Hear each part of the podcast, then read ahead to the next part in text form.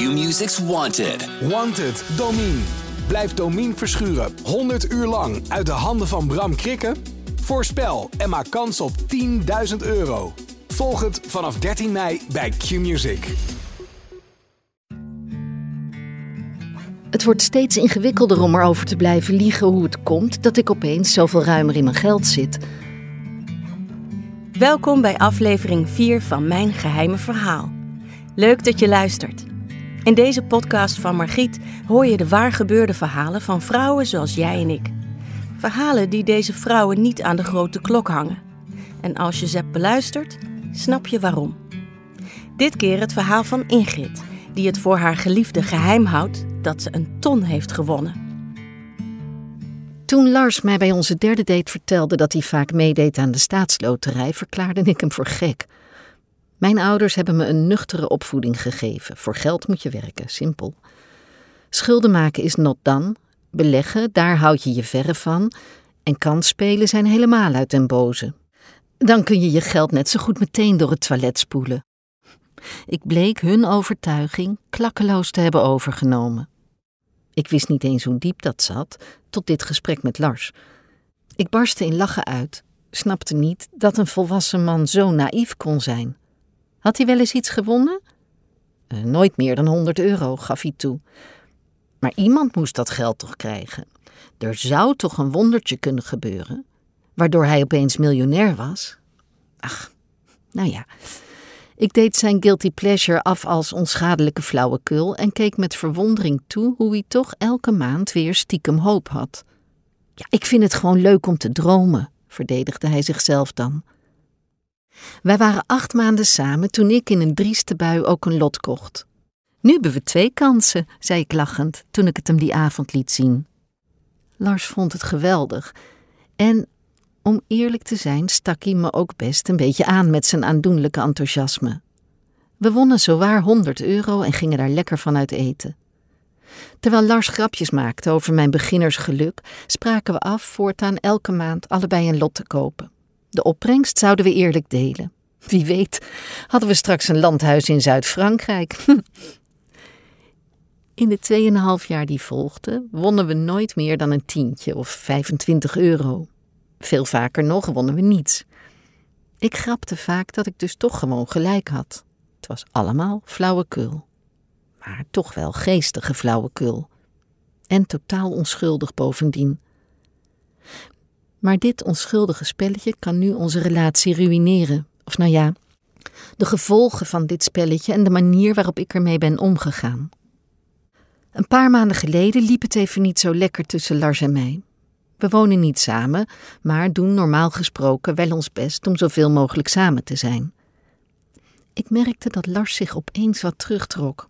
Hij sprak vaker met vrienden af of zei dat hij moe was en liever alleen thuis bleef.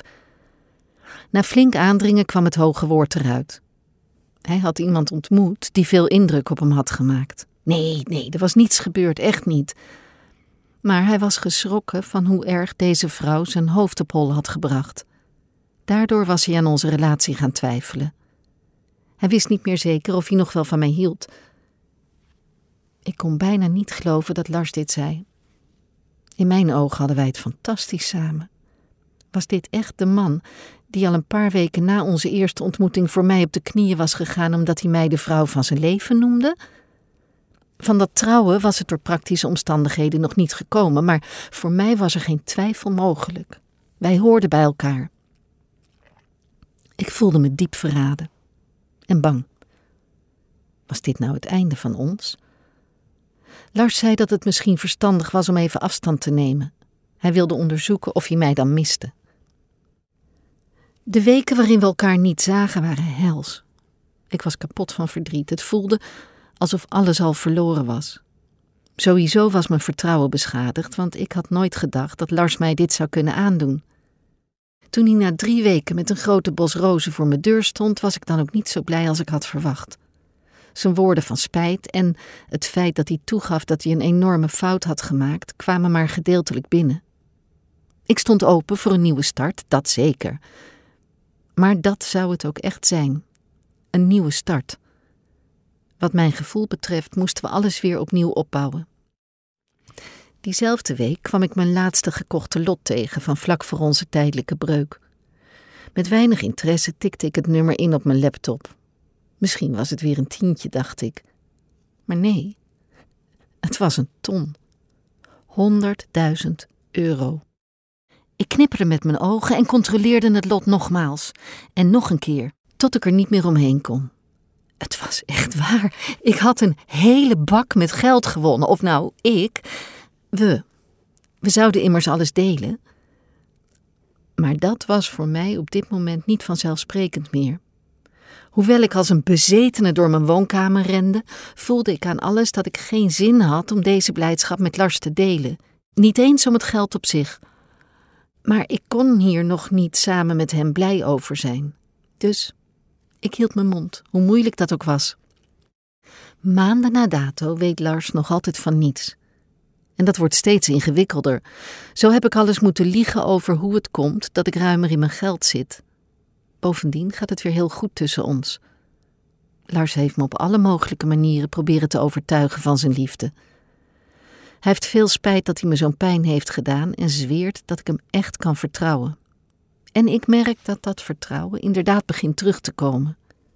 Ondertussen heb ik een ton op mijn bankrekening staan waar hij niets van weet. Dat is natuurlijk niet echt eerlijk. Ik moet het hem vertellen. Nu staat dit nog tussen ons en onze echte nieuwe start in. Ik ben benieuwd hoe hij hierop reageert als ik de moed heb hem erover te vertellen. Met het geld zal hij blij zijn. Maar zal hij mijn motivatie begrijpen of me beschuldigen van achterbaksheid? We hopen dat je met plezier hebt geluisterd. Meer geheime verhalen horen? Abonneer je op deze podcast. In de volgende aflevering hoor je hoe Els pas na haar moeders dood ontdekte dat haar moeder wel van haar hield.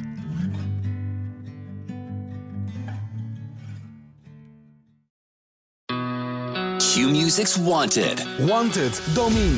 Blijf Domine verschuren 100 uur lang uit de handen van Bram Krikken? Voorspel en maak kans op 10.000 euro. Volg het vanaf 13 mei bij Q-Music.